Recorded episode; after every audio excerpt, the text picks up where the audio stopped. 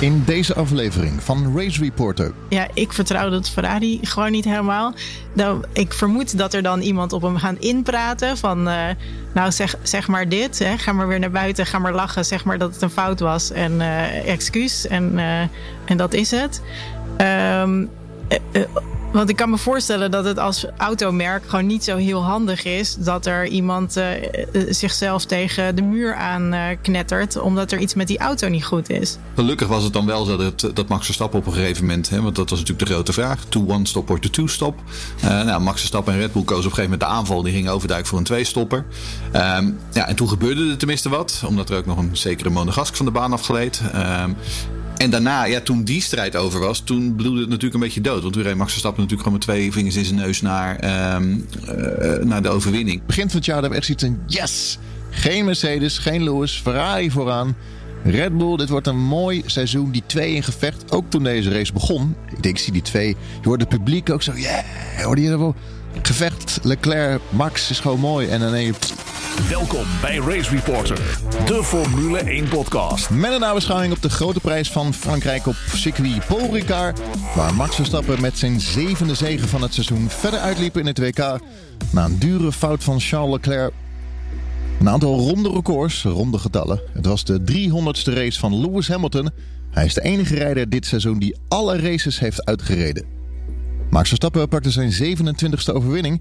Hij heeft daarmee evenveel overwinningen als Sir Jackie Stewart. Het was Max' 130ste start met Red Bull, wat een record is voor het team. En Max heeft nu 1500 ronden aan de leiding gereden. Voor de 50ste keer stonden Max Verstappen en Lewis Hamilton samen met elkaar op het podium. En Fernando Alonso brak het all-time record voor het aantal afgelegde ronden, wat in handen was van Kimi Raikkonen. Race Reporter. Formule 1 podcast. Vanuit Haarlem, aflevering 130, seizoen 6. Ik ben Lucas Degen en we zijn vandaag met twee man minder. Want helaas zijn Jarry Alving en Jeroen Scholte er niet bij. Wel een andere Jeroen, Jeroen Demmerdaal, autoschrijver van onder andere Volgas Magazine NRC. Bezig met een mooi boek op basis van een Race Reporter Winter Special. Welkom Jeroen! De enige Jeroen. Ja, de enige Jeroen. Ja, dat voelt toch wel een beetje raar. Dat ik toch een beetje alleen ben nu als Jeroen. Ja. En uh, vervanger, heuse race reporter, debutant en de tweede vrouw in de geschiedenis van deze podcast. We zijn erg blij dat je er bent, Melanie Keatley. Zeg ik dat goed? Ja, dat klopt. Ja, wow. ja Keatley. Waar, waar, waar, komt dat vandaan, als ik vragen mag? Ik heb een, uh, een Britse vader. Ah, oké. Okay. Ben je daar voor Lewis? Uh, nee, ah. niet voor, maar ik ben ook niet voor Max ben je daar voor Norris? Was ik vorig jaar, maar dat is een beetje over. Oh, wa waarom? ik weet het niet. Doet het niet meer zo goed. Ben je dus, ieder jaar voor een ander? Ja, ik denk dat, dat is misschien wel mijn ding. Dat okay. ik gewoon elk jaar een nieuwe, een nieuwe, nieuwe uh, idool. Ja. En wie is je idool dit jaar? Ik ben dit jaar wel heel erg fan van Albon. Ik weet dat hij oh, niet, niet, uh, niet briljant uh, aan het rijden is. Maar nou. ik vind Williams gewoon echt een superleuk team. En ik gun het ze echt heel erg. En uh, ja, vervelend voor hem dat hij met ja, Latifi moet rijden. Ja, nee, goed. ja. In de Race Reporter Studio ligt een heel mooie neon circuit van uh, Spa-Francorchamps. Circuit ligt hier mooi ding. Ik heb hem het kleurtje van uh, Race Reporter gegeven. Dat kan ook via een app. Kan je de dingen gewoon een mooi kleurtje geven. Wil je ook zo'n mooie track bijvoorbeeld van? Uh, ga naar neon-tracks.com. geef dan op de kortingscode Race Reporter 22 voor 10% korting. In deze aflevering onder andere de zevende zege van het seizoen voor Verstappen. De dure fout van Charles Leclerc en de gevolgen voor het, w, voor het WK. Tactische chaos bij Ferrari. De sterke race van Mercedes. Alpine versus McLaren in het middenveld. Vooruitblik op de Grand Prix van Hongarije. En de luisteraarsvragen die binnen zijn gekomen via Twitter. De race op Paul Ricard. De poll uitgezet voor het aantal sterren. Luisteraars hebben twee sterren gegeven op Twitter. Jeroen Demmerdaal. Hoeveel sterren van de vier geef jij deze race? Nou, twee is wel het maximaal. Kijk, het probleem is, het is Paul Ricard. Hè? Dus ik, ik kan er gewoon niet naar kijken. Ik zit iedere keer, dan zit ik naar mijn tv te kijken. En dan zit ik naar die optische illusie te, uh, te kijken. En dan denk ik, waar zijn ze nu in hemelsnaam? En, en wat is dit voor een raar circuit? En waar zijn alle grindbakken? En, en waar is het zand wat vroeger gewoon op Paul Ricard lag? Dus ja, ik heb, ik heb iedere keer worstel ik weer. Uh, ik merk ook gewoon, vooral tijdens de Formule 2 had ik dat ook. Want die, die races ja. waren sowieso ook niet zo spannend. En ik merkte ook gewoon dat mijn uh, aandacht een beetje begon af te dwalen. Um, dus ja, het is, uh, is voor mij altijd een opgave wat dat betreft. Um, maar ja, gelukkig misschien is dit ook het laatste jaar van Paul Ricard. Dus um, ja. Ik word ook een beetje duizelig van die lijntjes. Die duizelig? Ja. Ik vind dat, dat is gewoon niet om aan te zien. Het, is, het beweegt de hele tijd. En uh, nee, ik vind het heel naar. Heel naar circuit. Ja, ja, nou, en, en, natuurlijk ook die race, die liep een beetje uit op een soort WK's banden sparen. Want ik bedoel, vooral in die openingsfase ging het natuurlijk ontzettend traag. Als je kijkt naar de rondetijden, het ging zo langzaam. Um, dus er gebeurde ook eigenlijk niet zo gek veel. Um, gelukkig was het dan wel zo dat, dat Max Verstappen op een gegeven moment, hè, want dat was natuurlijk de grote vraag, to one stop of to two stop. Uh, nou, Max Verstappen en Red Bull kozen op een gegeven moment de aanval, die gingen overduik voor een twee stopper. Um, ja, en toen gebeurde er tenminste wat, omdat er ook nog een zekere Monegask van de baan afgeleed. En daarna, ja, toen die strijd over was, toen bloedde het natuurlijk een beetje dood. Want toen reed Max natuurlijk gewoon met twee vingers in zijn neus naar, um, uh, naar de overwinning. Dus ja, ik, ik weet het niet. Het was niet echt dat je zegt, eh, wat ik gisteren op Twitter al zei. Ik denk niet dat ik hem na ga bestellen op DVD. Want dit was niet echt een, uh, een topwedstrijd in die zin. Hoe hoog, wat was de temperatuur eh, op, de, op het circuit? Of niet in, in detail, maar was, het was een hoge, hoge temperatuur dit weekend. Ja, ik geloof dat Jeroen Scholte die vertelde ons dat het 32 graden was. Ja. ja, en Sky zei dat het 28 graden was. Dus het zal, dus het zal ergens uh, daartussenin gezeten hebben.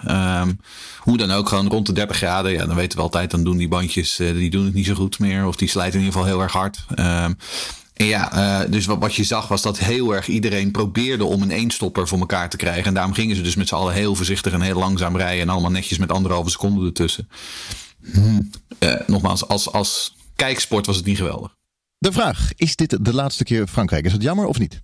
Ja, nou ja, waar, wat ik in de intro al zei. Ik, bedoel, ik, ik heb altijd gewoon moeite met deze baan. Uh, laatste keer Frankrijk. Ik denk dat Frankrijk op zich, hey, historisch gezien, wel gewoon op de kalender hoort. Um, maar ik weet niet of het zo nodig Paul Ricard hmm. moet zijn. Um, dus in die zin, als dit de laatste keer Paul Ricard is, zou ik het niet heel erg vinden. Als het de laatste keer Frankrijk is, zou ik dat wel weer jammer vinden. Want dat ik zeg, traditioneel gezien hoort dat er wel een beetje bij. Oké. Okay. Weer veel gemiep over track limits. Ja, wat verwacht je op deze baan? Dit is de ultieme track limit uh, circuit, toch? Nou ja, dat is het. Hè. En ik bedoel, natuurlijk in Oostenrijk al, wat is het, 376 verschillende track limit violations. Uh, en nu kregen we er weer een hele batterij. En, en um, ja, inderdaad, wat wil je? Kijk, ik bedoel, we hebben deze discussie al zo vaak gehad. Als je daar geen gezeik mee wil hebben, dan moet je gewoon gras en grind neerleggen. En niet uh, al die rare rode en blauwe strepen die je nu hebt. Um, en dan, ja, we hadden een vraag van, um, van Jacco Nelen. Die zegt, is er ook sprake van een track limit als je voorbanden buiten de baan zijn, maar je achterbanden op hetzelfde moment niet? En dan refereert hij dan aan Mick Schumacher in de kwalificatie. Nou ja, dat was, was dus weer zo'n discutabel moment inderdaad. Mick Schumacher in Q1, uh, die dan een, een, een laptime krijgt. Maar had hij daar nou echt zo ontzettend veel voordeel van? Um, ik, ik, ik weet het niet. En nogmaals, het is, het is meer voor mij, um, het is symptomatisch voor de wijdere discussie. Uh, het feit dat we het niet gewoon over racen kunnen hebben, maar inderdaad dat we over uh, al dan niet een witte lijn moeten hebben. Ik bedoel, ik zat dit weekend ook naar de IndyCar in Iowa te kijken. Ik bedoel, daar hebben ze geen last van uh, track limit, want daar staat gewoon een muur. Um, en ik bedoel, en op andere banen in Amerika is het ook zo. Als, je, als je buiten de baan komt, dan is er gewoon grind en gras. Um, dus de track limits zijn heel duidelijk voor iedereen. Maar dit is de moderne Formule 1, helaas. Wat vind niet meer gas, meer grind? Ik, ik ken het niet, uh, de Formule 1 van vroeger met, uh, met meer gras en grind dan nu. Ik uh, ben natuurlijk pas later ingestapt. Um, en ja, het is, wel, het is wel vervelend dat het elke keer weer terugkomt. Van oh, oh iemand rijdt een goede ronde. En dan is het, oh nee, gaat de, daar gaat de streep doorheen. Uh, en dat, ja, dat is wel gewoon een beetje irritant kijken ook. Uh, weet je, je weet gewoon als kijker niet per se uh, waar je aan toe bent. En het is ook een beetje geneuzel. En dat, weet je, dat dat de hele tijd terugkomt. Dat is gewoon irritant, ja. Ja, als we kijken naar Oostenrijk. Perez, die zit hem daar buitenom. Ja, hij was er voorbij. En krijgt een tikje en staat in het grind. Het is jammer, maar dit is wel het risico van het vak. Ik heb dat liever dan dat iemand uh, buitenom rondrijdt en zit te miepen. Uh, push me off the track. Uh. Ja, dat. En, en ook dat uh, coureurs dan op het moment dat ze ingehaald worden, meteen gaan zitten zeiken van, oh ja, maar kijk, hij, uh, hij rijdt, uh, rijdt er overheen. En dat heel erg soort van, dat gezeur over die boordradio krijg je dan meteen. terwijl je dan denkt, ja, maar zit je nou te zeiken omdat je net ingehaald wordt? Of is er echt iets aan de hand? En, en, en dat maakt het ook dat je, weet je, dat kun je vaak als kijker op, op dat moment zelf niet goed inschatten. Is er dan echt iets aan de hand? Of, of eh, je weet het ook niet. En, dan, en soms uh, zeuren mensen ook van ja, maar op die ene coureur wordt er heel erg gelet. En, en op die andere coureur wordt, uh, weet je, dat, dan wordt er niks gezegd. En weet je, is dat nou echt zo of is dat niet zo? Uh, dat is dan heel moeilijk in te schatten. En, en, dat maakt het ook een beetje, beetje mistig. En dan is het, dat is dan gelijk een soort niet leuk onderdeel. Weet je, als je ergens naar kijkt, het is, het is een spel. En er zijn spelregels. En die wil je dan ook snappen. En dan, uh, je wil als kijker ook begrijpen waarom er dingen gebeuren. En begrijpen waarom er beslissingen genomen worden. En als ze dan, ja, de ene keer wel, de andere keer niet. En dat mensen dan een beetje gaan zeuren van, eh, uh, weet je, er gebeurt weer iets, maar er wordt niks gedaan. Ja, dan denk je van ja, waar zit ik nou naar te kijken? Wat ja, is precies. dit? Als je kijkt naar tennis en voetbal, dat is gewoon een lijn. naar ze op of erover. Meer Ja. niet. Dat is gewoon klaar. Ja, Nou ja, tegenwoordig heb je natuurlijk ook hè, die VAR eh, in, het, in het voetbal. En daar heb je natuurlijk hetzelfde, hetzelfde idee. Hè? Want dan op een gegeven moment wordt zo'n wedstrijd wordt dan minutenlang stilgelegd. Omdat er dan iemand naar een videoschermpje moet gaan zitten kijken. En dat krijg je nu ook. Ehm, want, want telkens als er ook maar enigszins iets discutabel is. Dan is er meteen, oh, misschien krijgen we wel een investigation. Dus het is, het is bijna, Formule 1 wordt veel meer een soort een accountant sport. Waarbij eh, hè, wat er daadwerkelijk op de baan gebeurt. Uh, dat is altijd zeg maar, er staat altijd een asterixje achter. Dat je gisteren bijvoorbeeld ook met, met Russell en Perez. Ik wil uiteindelijk kun je afvragen, had je daar nou echt een, een, een hele investigation voor nodig? Uh, kijk, uiteindelijk werd er dan uh, niks mee gedaan. Maar het hangt wel de hele tijd boven zo'n actie. Terwijl je eigenlijk toch vooral, wat, wat Melanie zegt, je wil, waar je naar wil kijken is gewoon strijd op de baan. En gewoon recht toe, recht aan. En ik heb het idee dat we nu in de Formule 1 een beetje doorgeslagen zijn. Allemaal van dat soort administratief geneuzel. Um, en dat is gewoon jammer. Ja, het is ook jammer dat we het iedere aflevering weer over hebben. Het weekend van Max Verstappen en Red Bull. Maximale score, 130ste race van Red Bull. Record voor het team. Welke rijder stond voorheen bovenaan? Weet je dat nog, uh, Jeroen? Nou, nee, ik wist het niet. Het is inderdaad dat jij nu in het draaiboek Mark Webber hebt gezet. Uh, en toen dacht ik, oh ja, Mark Webber. Ja. Um, maar ik zat, eigenlijk, ik zat zelf te denken aan David Coulthard of iets dergelijks. Um, maar Webber heeft er inderdaad natuurlijk al wel heel lang gezeten. En Vettel ook. Um, ja, 130 races bij, bij hetzelfde team. Geeft vooral wel heel erg aan hoe, uh, hoe close die relatie tussen Max Verstappen en Red Bull Racing is. Hè? Dat hij nu dus uh, de langstdienende coureur is. En, en ook een ontzettend uh, succesvolle samenwerking natuurlijk. Dat zijn natuurlijk ook Toro Rosso races, neem ik aan dan. Want dat is één familie, maar voor de duidelijkheid denk ik dat wel.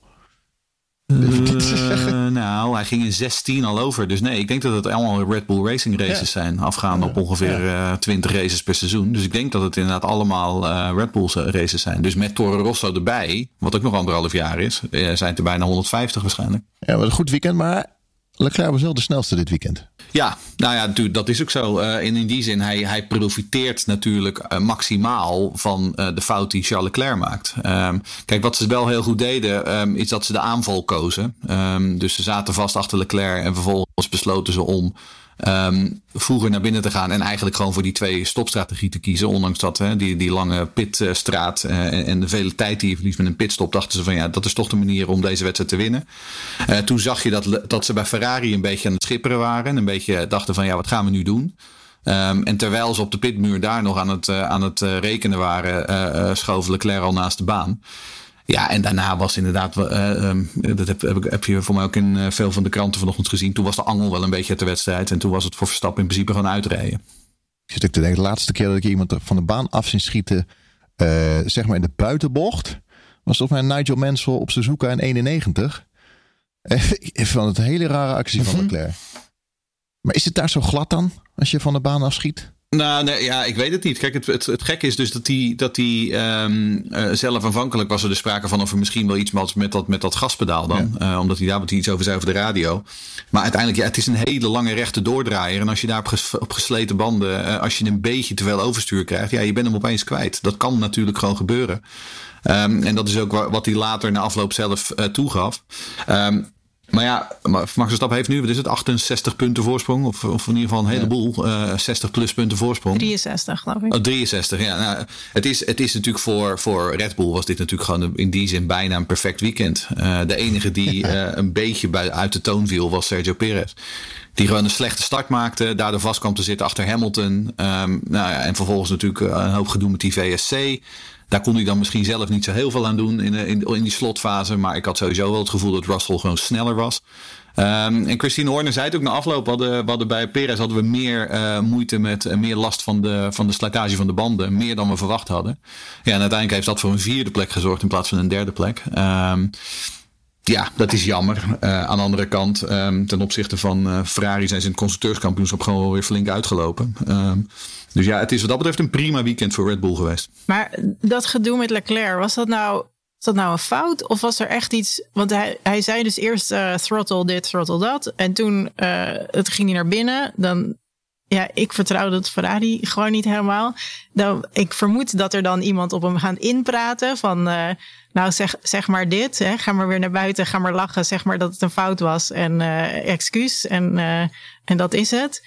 Um, want ik kan me voorstellen dat het als automerk gewoon niet zo heel handig is dat er iemand uh, zichzelf tegen de muur aan uh, knettert, omdat er iets met die auto niet goed is.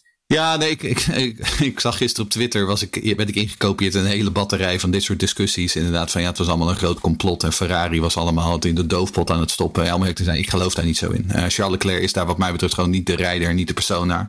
Um, als die een fout maakt, dan is hij als eerste degene die uh, uh, het boetekleed aantrekt. Dat heeft hij in het verleden ook altijd gedaan toen, toen hij een e-mail aan fout maakte, toen, uh, toen was het heel erg, uh, was hij heel erg, deed hij heel erg een zelfkastijding. We hebben hem natuurlijk ook nog eens in Baku in een muurtje zien staan. En toen zei hij, I'm so stupid, I'm so stupid. Um, hij is gewoon wat dat betreft een open boek. en ik denk echt dat hij gewoon een fout gemaakt heeft. En dat hij misschien in eerste instantie dacht van, hey, heb ik nou weer een, een, een throttle probleem gehad? Maar dat hij zich uiteindelijk gewoon gerealiseerd heeft, nee, ik deed het gewoon zelf.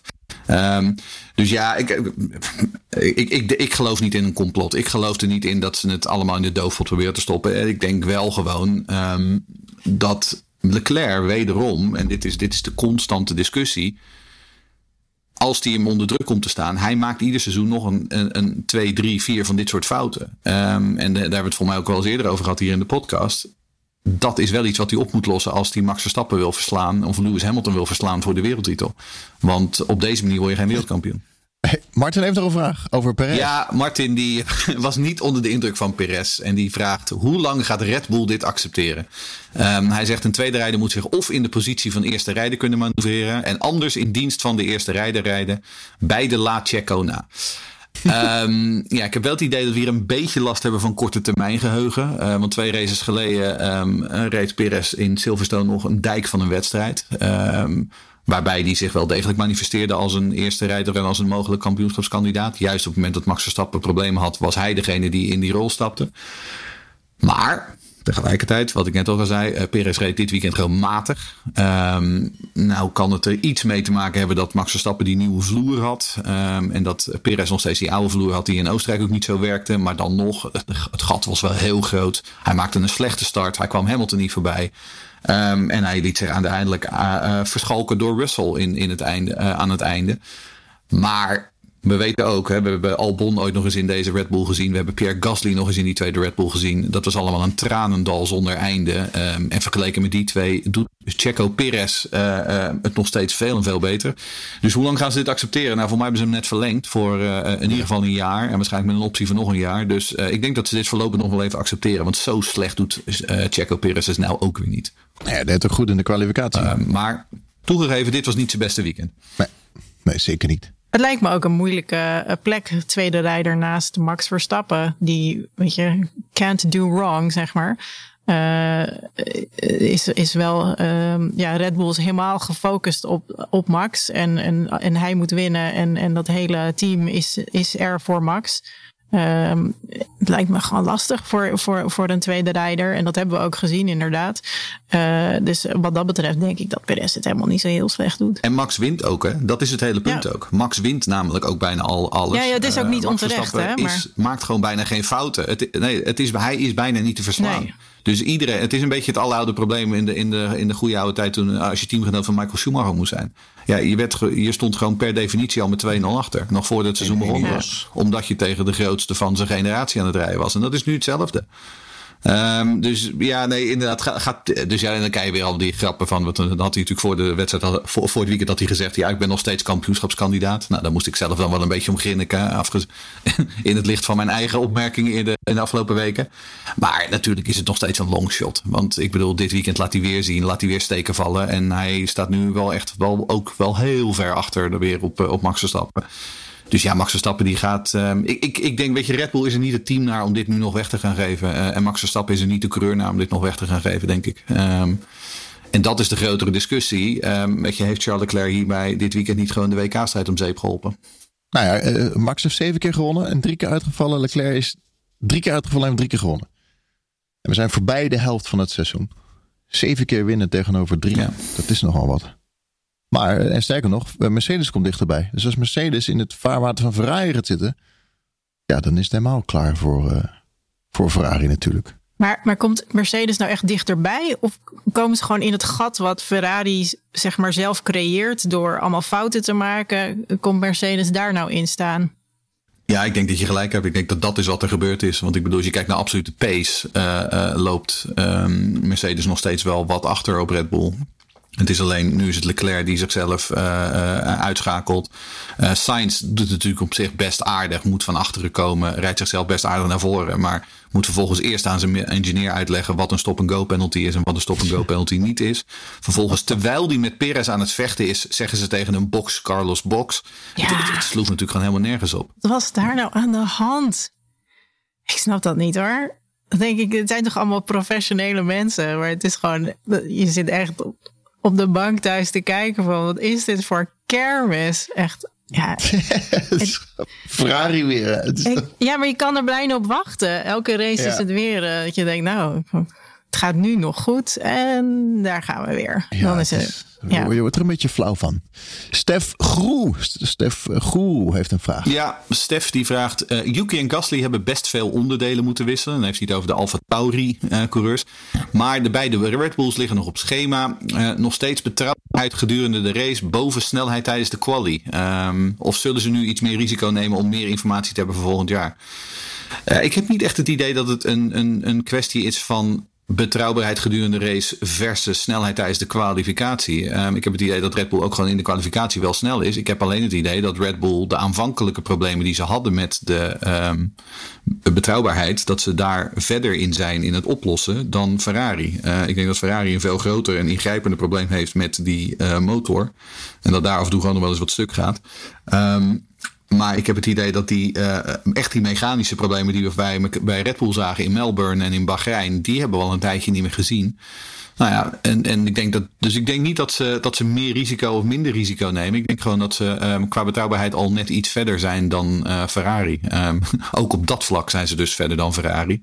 Nou ja, en dan inderdaad, dan kun je je dus weer afvragen: uh, is de race inmiddels niet al gewoon een beetje gelopen qua het kampioenschap? Ja, ik een beetje denken, we hebben het altijd over, ja, er komen nu Red Bull circuits aan, maar daar hebben we het eigenlijk al nooit meer over. Nee, maar bestaan die nog wel? Ik, ik, ik, dat weet ik niet. Ik vraag me af of er nog wel echt Red Bull of Ferrari of Mercedes circuits bestaan. Um, je ziet het bij die middenveldteams zie je nog wel eens dat er bepaalde banen zijn uh, waar bijvoorbeeld de McLaren opeens heel hard gaat of waar de Alpine heel hard gaat. Maar die Red Bull en die Ferrari die gaan overal hard. Uh, en die zijn ook wel echt een stukje beter dan de rest. Um, dus in die zin, ja, weet je, ze zitten gewoon heel dicht bij elkaar. En het gaat, het gaat echt op duizendsten en honderdsten van een seconde. Daar draait het uiteindelijk om. Tijdens de kwalificatie is Ferrari de laatste races wel iedere keer pole.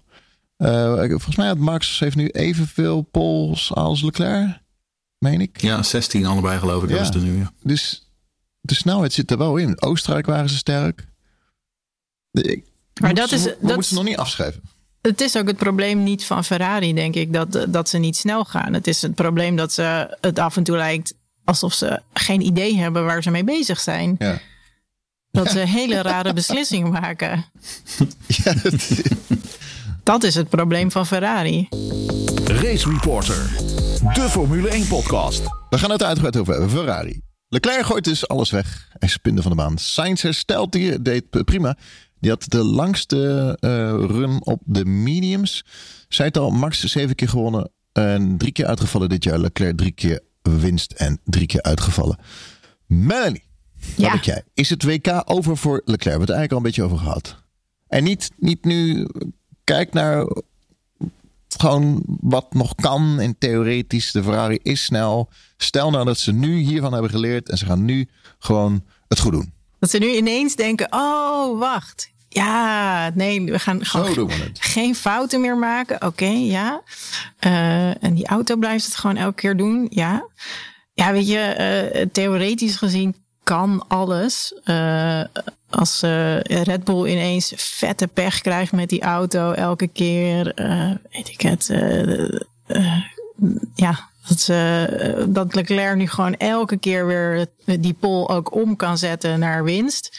Eh, en, en, en dat, ja, ik, eh, misschien dat Verstappen nog zelf eh, een paar keer van de baan gekegeld wordt door iemand. Je weet het niet. Eh, het kan, maar het lijkt me gewoon heel onwaarschijnlijk. Waarom ik moet lachen, ik word, waar ik een beetje bang voor ben, is dat Ferrari het heel goed voor elkaar heeft. Maar dat gewoon Sainz en Leclerc elkaar in de haren, dat ze geen teamorders uitdelen. Dat het daarom ook nog mis kan gaan. Het is, Nou, dat, dat denk ik niet. Ik denk dat eh, als op een gegeven moment Science teamorders. Want ik kan me voorstellen, omdat hij eh, natuurlijk verder achter ligt, dat hij eh, eh, zeg maar het. Dat hij doorkrijgt dat hij Leclerc moet doorlaten. Eh, ik denk dat hij dat wel doet, omdat het ook voor hem natuurlijk slecht afstraalt als zij. eh, of, of hoe heet het? eh, het ziet er gewoon slecht uit voor Sainz als hij op een gegeven moment met Leclerc moet gaan vechten. En dat het echt er echt uitziet als ze gewoon niet weten waar ze mee bezig zijn. Weet je, en hij probeert het al, heb ik het idee, heel erg eh, in de media soort van goed te maken van nee, maar het gaat heus wel goed. En ik vind eh, dat de strategie bij Ferrari is echt top. En eh, zijn echt, ja, ze hebben, zijn allemaal met computers dingen aan het uitrekenen. En ik zit maar gewoon in die auto, weet je, terwijl hij de hele tijd hun zit te verbeteren eigenlijk. Van, yo, guys, waar hebben jullie het over? En hou nou eens op en laat me gewoon maar mijn ding doen. Want uh, dat plan A en plan B en plan C en plan D en plan E en weet ik veel hoeveel plannen Ferrari allemaal niet heeft. Uh, ja, het, het, weet je, het, het, het, is gewoon een beetje vaag allemaal. Dus ik, ik denk niet dat het per se uitkomt op dat, dat Leclerc en Sainz elkaar straks van de baan afrijden. Maar ja, Ferrari aan de pitmuur moet gewoon echt een beetje, een beetje wakker gaan worden. En denk van oké, okay, er, er, loopt iets niet hier in dit team. Er is geen Braun en geen Jean Tot. Ze moeten een Jean Tot en een Braun hebben. Ja, ik, er is gewoon iets wat bij, uh, bij Mercedes en bij, uh, bij Red Bull, weet je, daar, dat loopt wel. En die weten gewoon, oh, dit gebeurt, oké, okay, dan maken we deze beslissing. En, en die, dat, dat het reageren, dat gaat gewoon heel goed. Vraag aan Jeroen Demmerdaal. We hebben het steeds over rijders en wisselingen. Maar wie zou je als teamlid bij Ferrari willen zien? Wie, zou, wie moet de, de kaart trekken? Wie, of ligt het daar niet aan? Ligt het niet aan... We hebben het steeds over de Baviaan en de... Je bedoelt ter, ter vervanging... Ter vervanging van Charles Leclerc bedoel je? Nee, nee, het, het management. Boven gewoon de... Wie zegt, zo gaan we het doen. Oh, het management. Team management. Nou jij noemt, jij, jij noemt, kijk, jij noemt net Jean Todt en Ross Brawn. Ik bedoel, wat, wat wijst de historie van Ferrari telkens uit? Het is constant een georganiseerde chaos, zolang er Italianen aan het roer staan. En daar hebben, daar hebben we nu al jaren uh, last van. En wanneer hadden ze daar geen last van? Wanneer was het een geoliede machine? Ja, toen Jean Todt uh, de scepter zwaaide. Toen Rory Braun en uh, toen Ross Braun en Rory Byrne de technische leiding hadden. En toen ze in de vorm van Michael Schumacher een soort van wandelende menselijke computer als, als, als kopman hadden. Toen werkte het. Maar Kijk, en het is een cliché om altijd maar uh, het over chaotische Italianen te hebben. Maar ik bedoel, in ieder cliché zit een kern van waarheid. En bij Ferrari, ik bedoel, ik zat gisteren naar die wedstrijd te kijken. En we hebben het hier nog wel eens over één dronken Baviaan. Maar voor hadden ze gisteren gewoon een hele apenrots op die, op die pitsmuur zitten. Het was gewoon echt, het, het, het ging alle kanten op. Het ging echt alle kanten op. Um, en wat, wat ik bedoel, je merkt dan ook weer, wat ik zeg, Verstappen komt eerder naar binnen. En toen zag je ze, toen zag je ze, toen hoorde je ze gewoon denken: van ja, maar hoe gaan we hier nou op reageren? Want ja, want ja, plan A, plan B, plan C.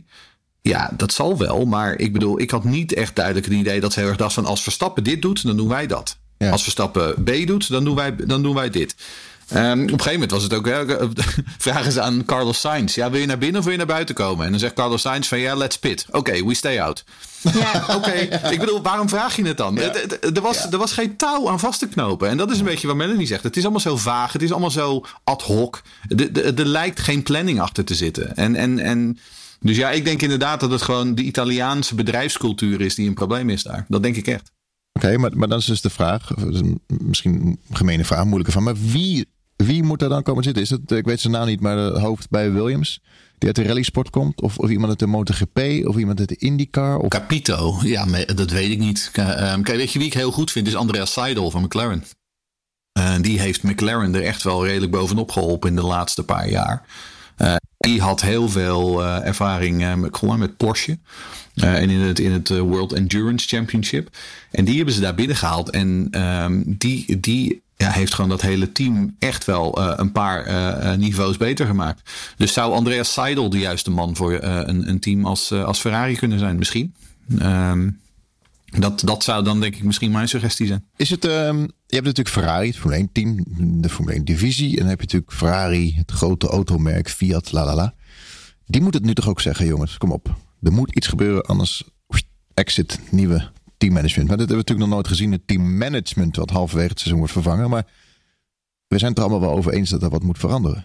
Nou ja, niet, niet halverwege het seizoen, maar we hebben het natuurlijk wel gezien na een seizoen. Hè? Want we hadden ooit Arriva Bene ja. en die werd vervangen. En toen kwam Dominicali erin en toen werd Dominicali vervangen. En toen kwam Binotto erin. Nou, Binotto zit er nu ook al een x aantal jaar. Um, ja, ik weet het niet. Ik bedoel, uh, het is een beetje als in het voetbal. Je kunt altijd wel de trainer vervangen, maar uiteindelijk is de trainer ook nog een passant. Ja, ja. Um, het, het, het, het, is meer volgens mij, weet je, het, het, het poppetje maakt niet zo heel veel uit. Het is meer de bedrijfscultuur. Volgens mij zit daar het probleem bij Ferrari. Uh, en dat is inderdaad iets, een probleem wat Red Bull en Mercedes niet hebben. Daar zit gewoon, en bij Mercedes zit er natuurlijk gewoon een soort van Deutsche Grundlichkeit in. Ja. Uh, en, en, en Horner, die was in de tijd dat hij in de Formule 3000 zat, was die al uh, um, super georganiseerd en super strak. En dat heeft hij bij Red Bull doorgevoerd. Ja, en dat missen ze bij Ferrari gewoon. En ik wil wel een vraag ook van Etienne Peters, die zegt. Ja, gaat de combinatie Leclerc-Ferrari überhaupt ooit kampioenschapswaardig zijn? Uh, want hij zegt het lijkt er vooral op dat Leclerc en het team om de beurt elkaars potentie volledig en eigenhandig de nek omdraaien.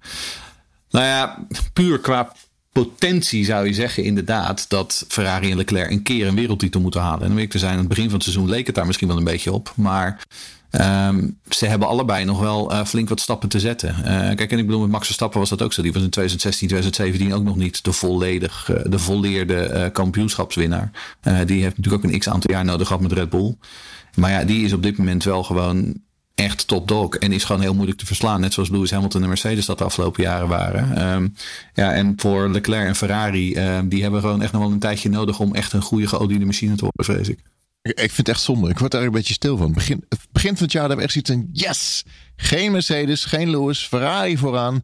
Red Bull, dit wordt een mooi seizoen. Die twee in gevecht, ook toen deze race begon. Ik denk, ik zie die twee. Je hoort het publiek ook zo... Yeah! Hoorde je dat wel? Gevecht, Leclerc, Max is gewoon mooi. En dan denk je... Ik vind het ook zo sneu voor de echte Ferrari-fan. Ik kan me voorstellen ja. dat die mensen denken... Jezus Christus, daar gaan we weer. Ja. Nou ja, eigenlijk als je kijkt, eigenlijk was het ook een halve thuisrace. Dit is eigenlijk Max op Spa in België. Leclerc in Frankrijk. En pats. Oei, oei, oei. Ja, ja, heel 78 pijnlijk. punten las ik had hij laten liggen dit seizoen. 78 punten. Maar goed, we moeten ook weer niet te veel bij het mes in het wond en ronddraaien. Want uh, we geloven er nog steeds in. Vraag van Rick van Lee. Ja, een vraag van Rick. Uh, wat wordt er gedronken aan de pitmuur van Ferrari? Ik, ja, ik, ik, denk dat het geen uh, Italiaanse espresso's zijn, want ze zijn niet heel wakker. Dus uh, ja. Ja, wat is eigenlijk een Spaans drankje? Ik, ik weet het niet. Ik, ik denk ook niet dat. Uh, dat is natuurlijk een, een, leuke grap. Maar ik, ik, denk niet dat het weet je, zoiets is. Ik denk dat ze inderdaad, wat Jeroen zegt, gewoon er zit iets in die bedrijfscultuur. Waardoor dat uh, ja, gewoon niet loopt. Zoals bij de andere teams wel loopt. En, en, en dat is heel moeilijk op te lossen. Dat, omdat je, zeker als je er al jaren zit, mensen krijgen daar een soort blinde vlek. Weet je, waarom doe je dingen? Ja, omdat we het al jaren zo doen. Ja. Ja, ja oh, dat hoor je heel vaak. Ja. het gaat toch goed? Ja. ja. Hmm. Goed, Sainz herstelt goed van een motorpenalty. Hij uh, achteraan gestart, toch nog vijfde. Ik vind dat knap. En snelste ronde. En de langste stint dus op de mediumbanden. Hij deed het echt heel goed. Hij ging echt uh, als een speer. Race Reporter. De Formule 1 podcast. Grappig, we hebben altijd in het draaiboek hebben we Red Bull, dan Ferrari, Mercedes. Wanneer komt het moment dat, dat we Mercedes weer voor Ferrari gaan bespreken? Uh, race 300 voor Hamilton. We hadden op uh, Twitter een leuk, leuke compilatie gemaakt van waarbij uh, Lewis die chicane neemt in volgens mij Spanje. En iedere keer dan een andere auto en dan zie je hem zo sturen en dan zie je al die en denk wauw, die eigen doet ook 2007. Dat is lang geleden. Zo lang gaat die man al mee. 300 races. En eerste dubbele podium dit seizoen. Beste resultaat van Lewis dit, uh, dit seizoen dus. Beide wagens op het podium. Um, ja, ik knijp hem wel hoor voor Mercedes. Ik zeg al de hele tijd, ze komen terug dit jaar. Want je weet allemaal hoe, inderdaad wat uh, Jeroen al zegt, uh, de gemoedelijkheid van de Duitsers, die, die werken knijterhard. En ik denk dat het echt nog wel spannend gaat worden dit jaar. Maar de vraag is natuurlijk, gaan ze Ferrari inhalen? Nou, als je kijkt in het constructeurskampioenschap, het is 44 punten achter op Ferrari. Dat is niet zo heel veel meer. En ik geloof dat Jeroen Scholten dat ook al een aantal keer gezegd heeft dit jaar. Um, weet je, ze blijven er best redelijk bij. En vooral omdat ze constant gewoon die score weten te maximaliseren. En op het moment dat ook maar iemand bij Red Bull of bij Ferrari een, een steek laat vallen, dan staan ze er meteen. En nu ook weer. Nu worden ze dus tweede en derde. En, en, uh, en, en um, profiteren ze dus van de fout van Leclerc, van de pech van Sainz en van een matige race van, van Perez. Ja, je moet dat toch gewoon weer iedere race doen. En waar ik vooral heel erg blij van word, is dat Lewis Hamilton gewoon weer terug is. Dit is zijn vierde podium op rij, vierde keer op rij ook dat hij sneller is dan Russell. Dus ook langzaam maar zeker begint die orde zich weer een beetje te herstellen. Um, hè, dus die, die, die, die toch wel wat gedemotiveerde, of in ieder geval worstelende Lewis Hamilton van begin dit seizoen, die, die is wel een beetje verdwenen weer. Um, het enige is alleen dat alle, alle theater verdwijnt nooit natuurlijk. Hè, Melanie? Dan lag hij weer in die, uh, in die, uh, dan... pre, die after race room, zeg maar, op de vloer. Ja, ja, je had natuurlijk vorig jaar dat hij dan... Uh, uh, dan had hij weer gewonnen, of dan was hij tweede. En dan, uh, vooral als hij dan net niet gewonnen had, dan uh, was Lewis bleef dan heel lang in die auto zitten. En dan ging een keer dat ding eruit. En dan ging hij zo met die handschoentjes zo langzaam. En uh, ja, en dan nu weer, weet je, dan is tweede en dan in die green room en dan op de grond gaan liggen, want dat weet ik niet met water of zo. Dat ik denk, ja, ligt er dan water op de grond of zo? Dat je, ja, maar iedereen heeft er gewoon hard gewerkt en hard gereden. Maar oh, Lewis moet weer op de grond gaan liggen hoor. Weet je, okay. Nigel Mansell, hè? Lewis Mansell. Nou, wel een beetje, ja. Het is wel een beetje Nigel Mansell uh, theater. Ja, die had het natuurlijk ook altijd. Hè. Uh, die, die kwam ook altijd uit die auto's als die net inderdaad gewoon uh, midden uit de jungle kwam inderdaad. En zweet als een otter. En, en echt, Nigel Mansell was ook gewoon niet fit. Lewis Hamilton is natuurlijk wel fit. Ja. Kijk, ik, ik geef het je te doen. Hè. Het was ontzettend warm gisteren. En vervolgens zit je achter het stuur. En dan blijkt, oh, mijn waterbus doet het niet. Oftewel gewoon eh, bijna, wat is het, ruim anderhalf uur, bijna twee uur zonder een druppel water. Oeh. Ik kan me voorstellen dat je je dan ja. He, dat je dan even een, even een, een spaatje nodig maar, hebt. Dat snap ik dat helemaal. Perez maar volgens mij ook. Dat, meteen weer dat, weer dat theater inderdaad. Perez heeft ook vorig jaar een keer, ik weet niet meer wanneer het was, maar ook een keer dat zijn water het niet deed. Maar die gaat het toch niet op de grond liggen. Ik vind dat zo. Nou, ik moet dat het na deze podcast ook altijd even liggen hoor. En, uh... Waar is mijn water? ja. ja. Nee, maar ik, weet je wat ik zo grappig vind? Als ik dan op de socials kijk. Volgens mij degene die de hardste sport is Lewis. Maar die laat het ook het meeste zien. En Max die zit het meest op zijn boot, zijn helikopter en achter zijn Playstation. Maar nee, maar Lewis is hartstikke fit. Laten we wel wezen. Maar ja, als je geen water hebt tijdens zo'n race. Maar goed, hij doet het goed. Lewis is de enige die uh, niet is uitgevallen dit jaar. Um, maar hij is inderdaad wel weer terug. Want we hebben nog een race gehad. Italië geloof ik. Werd hij op een ronde gezet. Dus uh, nou, blij dat hij terug Ja, dat was in, uh, in Imola inderdaad. Ja. ja, dat was op Imola. Toen ging het, toen ging het echt gewoon niet. Uh, toen zat hij gewoon een hele race uh, vast achter Albon, geloof ik, uit mijn hoofd, in die Williams. maar nee, hij is, hij is echt lekker terug. En, en weet je, ik vind het ook wel. Um, het is ook goed voor het team. Daar wordt Mercedes ook gewoon beter van. want als die de hele tijd inderdaad gewoon vijf, zes plekken achter Russell rijdt, daar worden ze ook niet blij van. Um, wat betreft Russell trouwens, moet ik wel zeggen. Um, we hadden het eerder over dat, gesprek, dat gevecht met Perez. ik vond wel dat Perez dat niet helemaal netjes deed. Want die was in de uh, aanremzone wel heel erg aan het zwerven naar het midden van de baan. Um, maar vervolgens was er een aanrijding. En uiteindelijk kwam inderdaad toch ook gewoon uh, Perez die kwam er lang. Of uh, Russell die kwam er langs.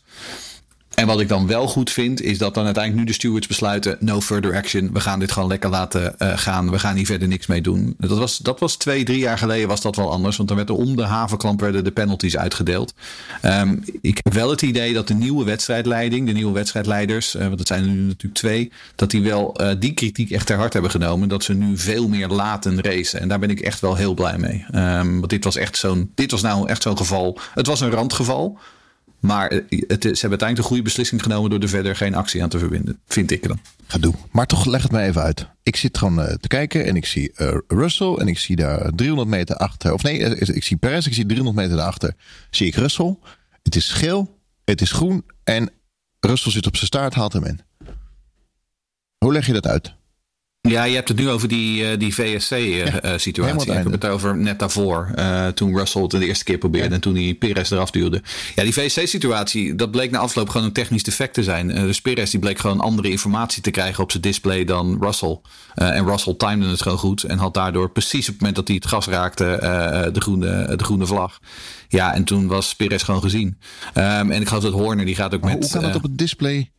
Ik, ik weet niet precies hoe het werkt, want ik ben geen Formule 1 coureur. Uh, nog steeds niet. Um, maar het, het, het, je schijnt dus een soort van uh, in, indicatie op je display te krijgen van uh, de centrale wedstrijdleiding. Wanneer je dus wanneer de VSC gaat beëindigen. En er was een een of andere technical glitch. en dat zorgde er ook voor dat er verschillende informatie naar verschillende coureurs werd gestuurd. Dat is natuurlijk niet goed. Daar moeten ze wel naar kijken. Want ik bedoel, hè, je hebt niet echt een level playing field op die manier. maar hey, het is technologie. Het kan fout gaan. Melanie is een coder, die weet er alles van. Dus als er ergens een stukje een lijntje code niet goed geschreven is, dan gaat het opeens stuk. Um, daar moeten ze naar kijken. Um, wat, en Perez was deze keer gewoon, die had daar gewoon pech van. Pech mee. Ze hebben dat toch ook aan de kant van de baan? Die, die lichten knipperen dan er ook geel. Dus als die dan op groen gaan, dan weet iedereen toch. Of is het echt alleen maar op het stuur? Laten we gewoon weer. We moeten terug naar de analoge tijd. Terug naar de, gewoon de vlag. Ik weet het niet, uh, Lucas. Ik, nogmaals, ik heb, er, ik, ik heb er geen honderd. Ik ben geen Formule 1 coureur. Ik ben geen Formule 1 techneut. Okay. Ik, heb, ik weet niet hoe dit tot in de details werkt. Ik weet alleen wat ik gelezen heb en dat okay. Perez probleem heeft. Ik vind het wel weer zo'n Russell-ding. Dat Russell daar gewoon. Uh, uh, die zit gewoon klaar. En die, die zit echt op Perez. En die, en die denkt gewoon: yes, nu gaan we. Pff, en hij gaat gewoon ervoor. En het, ja, hij doet dat gewoon. Perez die zat gewoon een beetje te slapen dan toch, denk ik. Ja, absoluut. Nee, Russell was gewoon wa meer wakker. Ik geloof ja. dat Helmut Marko na afloop ook zei... ik weet niet wat Perez uh, in zijn drinkfles had zitten... maar uh, hij was niet helemaal wakker. ja, nee, dat is, Perez had gewoon geen best weekend. Hij had het water van Hamilton gekregen. Ja, dat, dat zou best kunnen, ja. Uh, maar Perez had gewoon geen best weekend. En Russell wel. En Russell die, die profiteerde gewoon maximaal. Dat doet hij heel goed. en dat is voor Mercedes ook goed. Vraag gekregen van Martijn Pot, Martijn Podcast. Martijn Podcast, ja, die zegt: zien we Russell en Hamilton nog derde en vierde worden in het kampioenschap? Uh, of misschien nog wel hoger, vanwege de steeds beter wordende Mercedes en de, de soms de worstelingen bij Ferrari en Red Bull. Uh, ja, ik ga het zeker niet uitsluiten. Um, voor, Max Verstappen is wel gewoon een beetje weg, maar um, daarachter die, die plek 2 tot en met 6. Ja, dat is wel spannend hoor. Um, en we hebben nog 10 wedstrijden. Dus um, ja, inderdaad, als Mercedes die stijgende lijn doorzet en gewoon blijft maximaliseren zoals ze dat nu doen. En als Leclerc af en toe nog eens in de vangrail kleunt en uh, Perez af en toe nog eens een off-day heeft. Ja, waarom niet? Um, dat zou absoluut zeker nog kunnen, denk ik. Ja. Nou ja, wat ik al zei, als, als, als Ferrari heeft echt een probleem als Mercedes in dat vaarwater gaat zitten. Want dan zijn er twee aan het vechten. Terwijl Ferrari hoort te vechten met Red Bull. Maar als Ferrari moet gaan vechten met Mercedes, maken ze het Max wel heel erg makkelijk. Race Reporter, de Formule 1 podcast. Kijk maar naar het middenveld. Gevecht in het middenveld. Alpine voorbij McLaren in de standbeidkampioenschap. Um, is dit de Frans, Franse grond die extra power brengt? Vraag ik me dan af. Uh, nou ja, wie weet. Uh, kijk, ik bedoel, voor, ze stonden geloof ik voor aanvang van dit weekend stonden ze exact gelijk in het constructeurs-WK, wat natuurlijk super spannend is uh, om die vierde plek. Um, ja, en Alpine heeft in ieder geval deze, deze Franse slag hebben ze gewonnen door P6 en P8 te pakken ten opzichte van P7 en P9 bij McLaren. Uh, Ocon um, uiteindelijk ook gewoon in de punten gefinished. Ondanks het feit dat hij natuurlijk een penalty kreeg. Doordat hij Yuki Tsunoda achterstevoren tikte. Die penalty leek me overigens wel volledig terecht. Want dat deed Ocon gewoon niet netjes. Maar uiteindelijk hebben... En Alonso had een geweldige start. Oh, en race daar, uh, zichzelf daarvoor, daar, daardoor echt uitstekend naar voren. Uh, en daarna natuurlijk ook gewoon weer. Uh, ik vond geweldig die opmerking, inderdaad, dat hij gewoon heel rustig aan het rondrijden was. En dat zijn uh, engineer tegen hem zei: van ja, Norris zit nu heel dicht achter je. Hij zegt: ja, prima, laat hem zijn banden maar oproken. Ja. Toen dacht ik: ja, dit is mooi. Ja. Dit is ervaring. Dit is gewoon 486 Grand Prix al achter je naam hebben staan. En precies weten wat je aan het doen bent. En gewoon binnen, binnen engelen die P6. Echt, echt heel goed. heel tof. Um, ja, ik heb al eerder gezegd, ik ben, ik ben best wel onder de indruk van Alpine. Ik denk dat Alpine echt een sprong gemaakt heeft dit jaar. Uh, en, en, uh, en, en, ze blijven gewoon heel erg um, solide punten binnenharken. Vraag je, heeft, uh, ik, ik, ik ben niet op de hoogte, maar is het contract van Alonso verlengd? Blijft hij nog bij Alpine? Dat is nog onduidelijk. Dat is de grote okay. vraag. Ja, ik, ik, ik vind het wel leuk. Ik vind het een leuk, leuk duo. Ja, nee, kijk, de grote vraag is natuurlijk wat gaat er met Piastri gebeuren? Want ze hebben natuurlijk die Piastri en daar, daar moeten ze iets mee. Maar ja, die gaan ze waarschijnlijk, zoals het er nu uitziet, bij uh, Williams stallen. Uh, omdat onze grote vriend Latifi niet meer nodig is. Nou ja, dat lijkt me prima. En dan kan Alonso nog wat langer blijven. Het lijkt me ook niet dat je uh, nu zegt weet je, oh, we hebben Alonso nu als zeg maar een soort van uh, de vaderrijder, weet je. En, uh, en Ocon, die, uh, weet je, Alonso, die presenteert zichzelf ook zo van, oh, let tell Ocon to fight like a lion. En dat soort dingen, weet je, alsof hij, weet je, bereidt het voor en dan mag Ocon mag dan meekomen. Ocon zie ik echt nog niet als een soort eerste rijder bij Alpine. en dat dan nog iemand, een echte rookie daar, daarnaast komt rijden. Ik, dat lijkt mij niet dat dat uh, heel succesvol gaat zijn. Dat ben ik wel met je eens hoor, trouwens. Ik denk dat Ocon ook nog wel een paar... die heeft nog wel iets meer uh, um, vet op de botten nodig... voordat hij echt dat team kan leiden. Maar onderschat nooit de Fransen en hun uh, nationalisme. het is en blijft een Fransman bij een Frans team. Um, ook is natuurlijk ook wel al verlengd voor twee, drie, vier jaar of zo. Dus die zit daar voorlopig nog wel even. Uh, maar ik denk inderdaad dat ze Alonso zeker nog een extra jaar daarnaast zetten. Vooral nu ze voor Piastri een oplossing lijken gevonden te hebben. Maar ik denk, ja. ben, ben ik met je eens. Ik denk dat uh, Ocon nog wel een jaartje Alonso naast zich, daar kan hij uh, zijn voordeel van doen. Ik zit even te kijken. Alonso dus meest ervaren Formule 1 coureur qua meeste ronde, rondes gereden. Maar er is nog een ervaren rijder, Vettel. Maar Alonso staat qua punten voor Vettel. Dat hadden we eigenlijk niet verwacht. Nou, wel. Nou, Alonso heeft wel een betere auto ook dan ja, Vettel. Ik ja, denk dat het uh, meer aan de auto ligt en, en aan het team waar uh, Vettel mee heeft te dealen eigenlijk dan, uh, dan aan de coureur zelf. Dat is waar. Kijk we naar Ricardo Daniel. Hij pakt voor de tweede keer op rij punten. Hij, hij, mag blijven volgend jaar. Want daar hebben we het al vaak over gehad. Het is niet echt een vervanging nou ja. voor. Maar... Dat zegt hij zelf, dat hij mag blijven en dat hij wil blijven. Maar of hij gaat blijven, dat weten we natuurlijk nog niet. Okay. Uh, want er is een hoop gaande bij McLaren. Ze hebben inmiddels uh, 37 coureurs vastgelegd voor vier plekken. um, en de grote vraag is nu wie waar gaat rijden. Maar um, we, hebben, we hebben plekken in de grasmaaiers, we hebben plekken in Amerika, we hebben plekken in de Formule 1. En ze hebben heel veel coureurs hebben ze vastgelegd. Maar uh, hoe het kaartendek uitgeschud wordt, dat weten we nog niet. Maar we weten wel dat Ricciardo in ieder geval graag wil blijven in de Formule 1. Um, en nu, gisteren zat hij toch wel redelijk dicht bij Norris in de buurt. Dichter dan, door, dan doorgaans. Um, dus ja, ook uh, als we het nou hebben over op het juiste moment pieken, dan doet Ricciardo dat in ieder geval wel beter. Um, maar nu moet hij dat nog even een paar races voortzetten, lijkt me. Aston Martin. Wat was daar uh, aan de hand dit weekend? Ongelooflijk hoor. Ik, uh, ik word sowieso een beetje moe van Lance Stroll op de radio. Eerst op zaterdag. zodra die radio van hem al open gaat, dan denk ik, oh god, daar gaan we weer. Maar dan, eh, er zit air in me, weet ik veel van. Eh. Ik denk, vind je het überhaupt leuk om hier te zijn? Weet je, wil je dit wel? Of moet dit omdat het van je vader moet of zo? En uh, gisteren tijdens die race, dat dan, uh, dan probeert die engineer van hem wat te zeggen. En dan zegt hij, yes, yes, yes. Leave me alone. Echt, serieus. Jongen, Weet je, het is een professionele sport. Er zijn hier allemaal mensen professioneel aan het doen. En je rijdt echt als een soort kleuter. En dan als klap op de vuurpijl, dat hij dan echt nog voor de finish uh, een Vettel gaat brake testen. Je denkt, sorry, excuse me. Weet je, die Vettel, die heeft volgens mij, ja, ik zou echt Stroll zo irritant vinden. Maar ze hebben dan Vettel ingehuurd, want dan hebben ze een beetje, nou, toch een goede coureur in dat team. En iemand die iets kan en die dan de, een beetje de kar een beetje kan trekken. Uh, en dan moet, uh, ja, dan word je dan zo behandeld door het zoontje van de baas eigenlijk. Ja. Ik vind het zo erg. Ja, werkt voor een familiebedrijf dan in principe. Ja, dat is ook, ja, je kunt het beter niet doen natuurlijk. Maar goed, ik kan me voorstellen dat Vettel denkt van... ach, nou ja, nog, nog één seizoen en dan kan ik nog een zwembad erbij bouwen of zo. Maar... Maar we hebben het vaker besproken. Vettel was ook geen lievertje natuurlijk. Hè? Nee, tuurlijk. Maar hij heeft 15 punten en Stroll 4. Dus. Ja. ja. Maar ja, goed, ze rijden natuurlijk allebei uh, in een Aston Martin. Waarvan je denkt, uh, daar, daar, gaat ook iets niet goed in dat team. Uh, en dat is minder duidelijk, denk ik, dan bij Ferrari. Omdat we bij Ferrari er heel erg op letten. Maar weet je, dat aan het eind van vorig jaar dat zo'n um, Snafnauzer, ik kan die naam nooit uitspreken. Snafnauzer, daar, uh, daar weggaat. omdat hij zegt: Ja, sorry, uh, een schip met twee kapiteins, dat werkt gewoon niet. Nee. Uh, omdat papa Stroll daar de, blijkbaar de hele boel zit te micromanagen. Ja, dan, ja, dan denk je: Oh, dit, dit loopt ook niet lekker daar. Uh, en, en dat blijkt ook gewoon aan heel veel van die kleine dingetjes. En ook weer dit, weet je, dat incident dan tussen Stroll en Vettel. Denk ik, ja, het, dat doe je toch niet? Je was er echt bijna, weet je. nog een paar meter en dan, dan rij je over de finish. En dan mag je weer uitstappen en dan is het weer klaar. Kun je lekker naar huis iets anders gaan doen.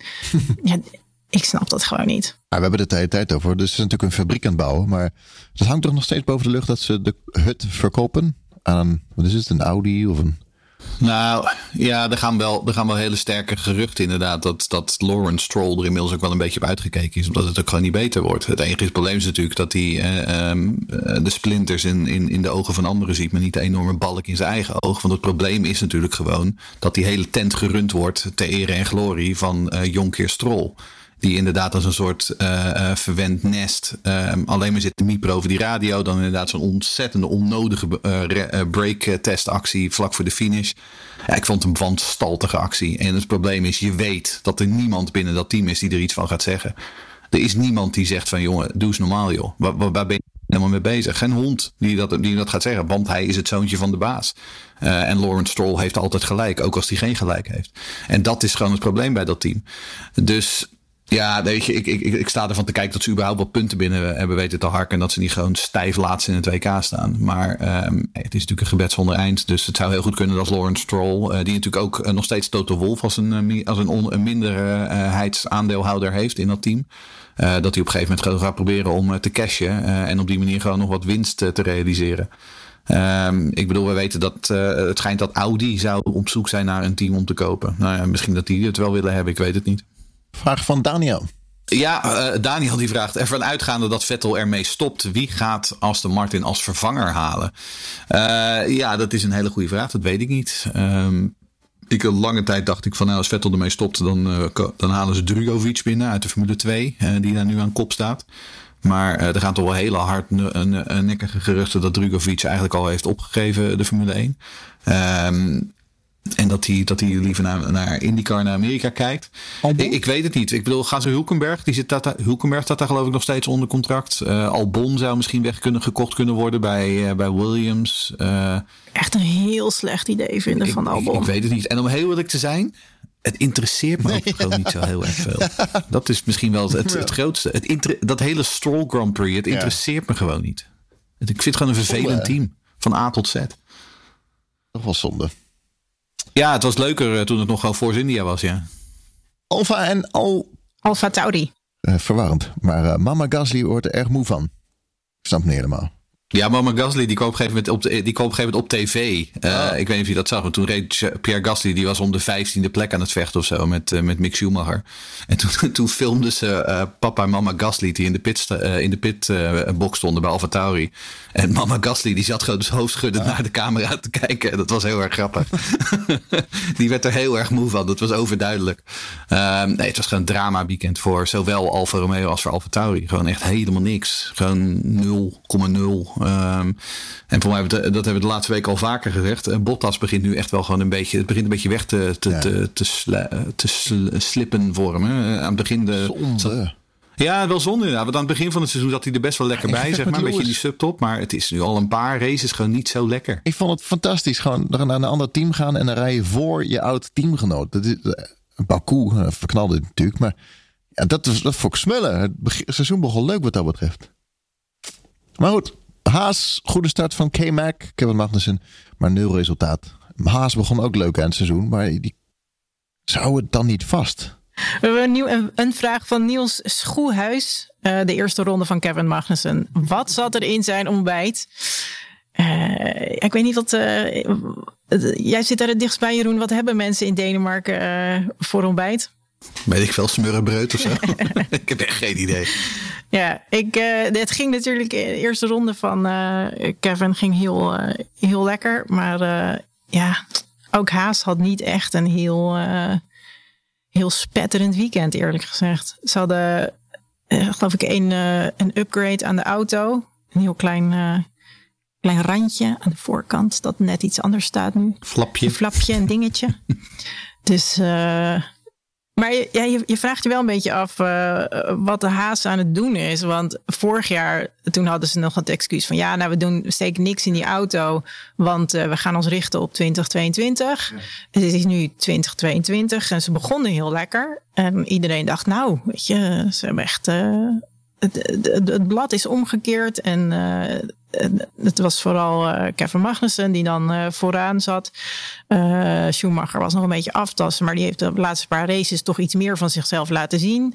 weet je, dat mensen zich afvragen van, oh, is het nu, is het een, een nieuw Schumacher-era? Gaat dat nu beginnen? Maar en dan dit weekend weer is het gewoon helemaal, ja, ja niks eigenlijk. Dus ik, ik weet niet zo goed wat ze daar aan doen zijn. Ze, ze hebben 34 punten en Alfa Tauri 27. Dus als ze daar niet oppassen, ja. worden ze ingehaald. Maar het is heel wisselvallig vooral, hè? Ja, maar ik weet ook niet goed wat Alfa Tauri aan het doen is. Want uh, dat zijn dan Red Bull auto's. Maar uh, uh, ja, rijden ergens een beetje achteraan. Het, wat we ook niet echt gewend zijn van Gasly. Die, die reed vorig jaar in een goede race. Nou, dan reed hij een beetje ja, ergens tussen de, de voorgang, de mensen vooraan en de mensen uh, die daarachter kwamen. Dan reed hij een beetje in zijn eentje daartussenin. Nu rijdt hij echt nou, gewoon een beetje in het achterveld. En, en, en Yuki, ja, god, dat is natuurlijk ook een beetje een gebed zonder end. Dat, uh, en dan staat hij weer achterstevoren. Dan rijdt iemand weer tegen hem aan. Dan gaat het weer niet lekker. Dan is er weer iets anders aan de hand. Ja, oké. Okay. En nu, uh, Alfa Tauri, wat nu? Laten we dan kijken naar de stand bij de rijders. Verstappen 63 punten voor op Leclerc. Nou, al besproken, Mercedes loopt in op Ferrari. Uh, er gaan al wat links en rechts wat schommelen. Spannende strijd tussen plaats 2 en 6. Russell nog maar één punt achter Sainz. Wie had dat verwacht? Ja, dat, dat is wel gewoon spannend, toch? Ik bedoel, Hamilton op 127 en Leclerc op 170. Ik bedoel, dat zijn geen, geen enorme, dat zijn 43 punten. Ik bedoel, dat is op zich, uh, dat zijn geen enorme gaten. Um, dat is een veel groter gat dan wat er dus tussen, of een veel kleiner gat dan wat er tussen Leclerc en Verstappen zit. Um, ja, en dat Russell inderdaad zo dicht achter Sainz zou staan, dat hadden we toch aan het begin van het seizoen, uh, toen Ferrari zo overdominant leek. Uh, dat hadden we er ook niet allemaal verwacht. En ook Hamilton, daar hebben we het net over gehad, die in de laatste vier races loopt gewoon ook weer in. Goede resultaten, de vier keer op het podium. Dus ja, dat is gewoon wel, wel, wel spannend. Um, en dan achter Hamilton, ja, daar valt een gat. Uh, McLaren kan het gewoon echt niet bolwerken dit seizoen. Um, Norris doet zijn best. Uh, maar die auto die is gewoon niet beter. Um, en uh, ja, McLaren is vooral aan het vechten om die vierde plek in het WK met Alpine. En nou ja, die moeten nu in Hongarije weer zien dat ze terugslaan. Um, want ze hebben nu vier punten achterstand. Ik, mijn glazen bol die zegt dat we dit jaar nog minimaal twee regenraces krijgen. Dat kan nog wel wat doen met het kampioenschap. Alhoewel, uh, Max is natuurlijk wel regenkoning, maar het kan nog van alles gebeuren. Laten we hopen dat het in ieder geval een spannend seizoen wordt nog. maar je weet het niet. Um, Erik Karreman heeft een vraag gesteld. Of uh, Ellen, sorry. Ellen Karreman heeft een vraag gesteld. Um, en Ellen die vraagt: uh, wat mag en kan een team doen met de verdiende uitbetaalde punten? Er is een budgetcap, dus ze kunnen niet meer geld stoppen in de ontwikkeling van de auto. Wat doen ze dan met die verdiende centen? Um, nou ja, en dat die centen die worden um, aan het eind van het seizoen, of op basis van uh, de eindstand in het WK, worden die bepaald. Ja, weet je, daar, daar rekenen teams gewoon op uh, wanneer ze aan het budgetteren zijn. Zo simpel is het. Um, dus ja, die budgetcap die is er nu wel. Um, en, en, uh, maar dat heeft in principe heeft daar niet zo heel veel invloed op. Um, teams hebben voor ieder, voor ieder seizoen zetten ze een budget neer. En op basis en daar uh, rekenen ze ook in mee het prijzengeld wat ze gaan krijgen voor hun, finish in, hun finish in het WK. Kijk, een team als Haas vorig jaar, die werden helemaal laatste. Um, ja, die kunnen dit jaar uh, vooruitkijken. Uh, nu ze zevende staan, kunnen ze vooruitkijken naar iets meer uh, prijzengeld. Ja, dat is natuurlijk gewoon een voordeel. Um, en dat betekent dus misschien ook dat ze dan voor komend seizoen inderdaad um, wat meer geld in die auto kunnen steken. Want ja, de budgetcap is goed, maar dat is natuurlijk vooral van invloed op teams als Red Bull en Mercedes en Ferrari. Want die moeten minder uit gaan geven. Maar een team als Haas, ja, die komen misschien niet eens in die budgetcap, omdat ze niet eens al die inkomsten hebben. Um, dus ja, dit is dat, dat soort dat prijzengeld is wel vooral voor de kleinere teams. Het is een, echt een, een lifeline. Uh, dat is wel echt de manier waarop ze zeg maar um, een, een seizoen kunnen maken of breken. Vooral zeg maar in het uh, daarop volgende seizoen. Ik heb dus begrepen dat, en, en ik volg het natuurlijk niet, niet heel lang nog allemaal, maar dat Ferrari dus meer prijzengeld sowieso krijgt aan het eind van het seizoen, omdat ze Ferrari zijn en dat ze meedoen. Oké. Okay. Dat is toch vet raar. Ja, klopt. Nou ja, Ferrari is het enige team dat sinds 1950, ja, Ferrari is het enige team dat sinds 1950 meedoet aan het WK. Uh, Ferrari is Ferrari is het, de, de, de, de, het kroonjuweel in de Formule 1. Um, en, en Ferrari heeft dat ooit een keer, god weet hoe lang geleden, hebben ze dat uitonderhandeld. Um, en hebben ze daar een soort van. Ze hebben ook een speciaal vetorecht, geloof ik, over uh, regelveranderingen. Um, en ieder, iedere paar jaar proberen de andere teams daar weer vanaf te komen. En proberen ze weer te zeggen: van kunnen we dat, die regel niet een keer schrappen? Nou, en dan komt Ferrari met hun veto over regelwijzigingen. En die zeggen dan van nee, dat gaan we niet schrappen. Nou, het, is, het, is, het is een heel raar historisch. Uh, het is een heel raar historisch ding, ja. Maar. Beetje KLM Schiphol. Ja. Raar. Ik wist dat niet, joh. Ja, ik had dat gehoord en toen dacht ik, nou, wat de, wat de idioot. Race Reporter. De Formule 1 podcast. We gaan kijken naar Hongarije. En ik blijf het altijd zeggen, en ook deze keer weer zeg ik het. In Oostenrijk is het gras altijd groener dan groen. Nog groener dan ons logo. Maar in Hongarije is het gras altijd geel. ik ben heel benieuwd hoe het er dit jaar bij ligt. Ik weet Geel. niet wat dat is. maar uh, herinneringen aan Hongarije. Mijn herinnering uh, natuurlijk Jos Verstappen op het podium. Dat Martin Brundle uitviel in de laatste bocht. De laatste ronde. Oh, wat was dat mooi. Uh, wat hebben we gehad? Damon Hill en zijn arrows.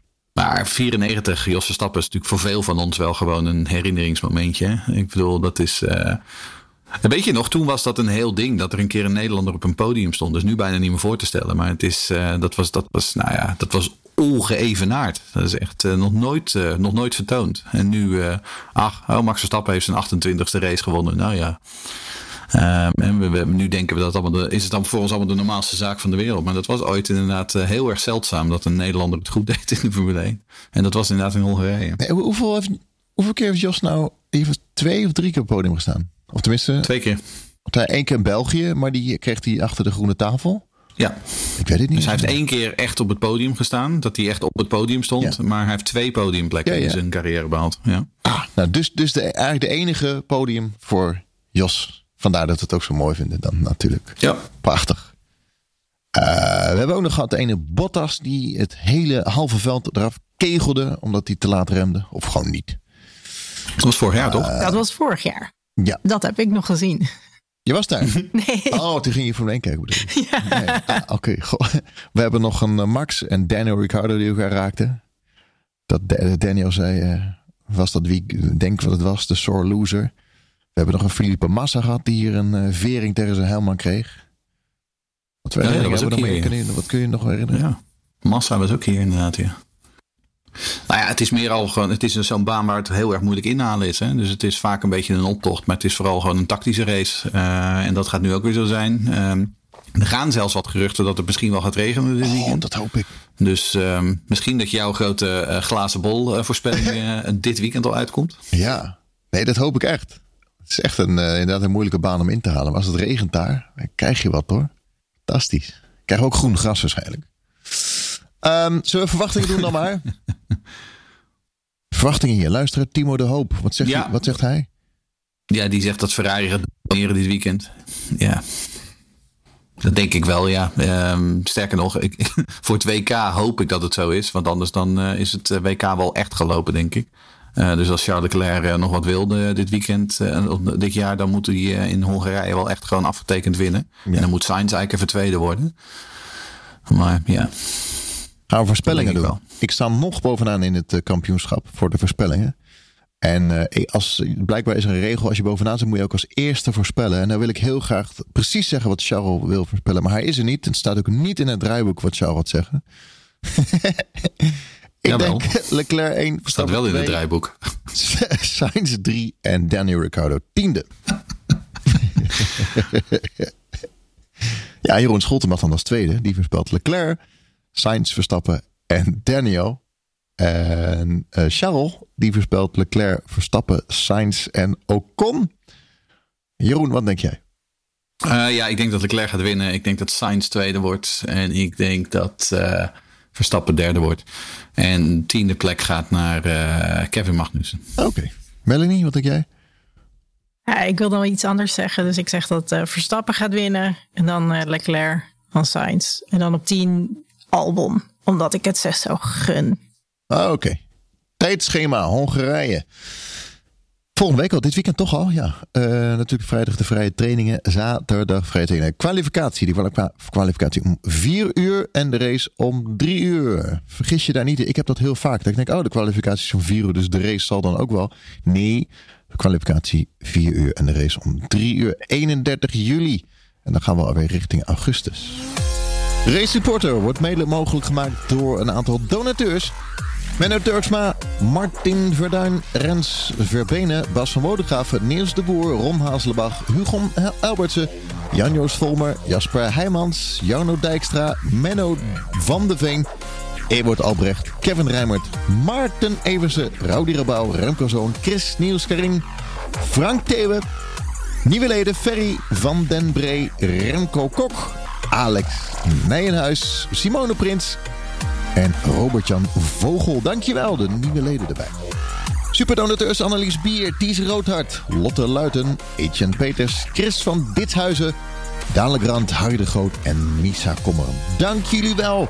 Wil je ook lid worden? Ga naar f1podcast.nl. Dat is f1podcast.nl. Aluminium, brons, zilver, goud of platina. f1podcast.nl. Dan ga ik jullie bedanken. Dankjewel Jeroen. Jeroen D.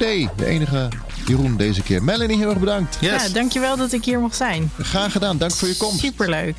En eh, je mag vaker komen. Yay! Iedereen blij. Oké. Yay. Dank jullie wel. Tot de volgende. Yo. Hoi.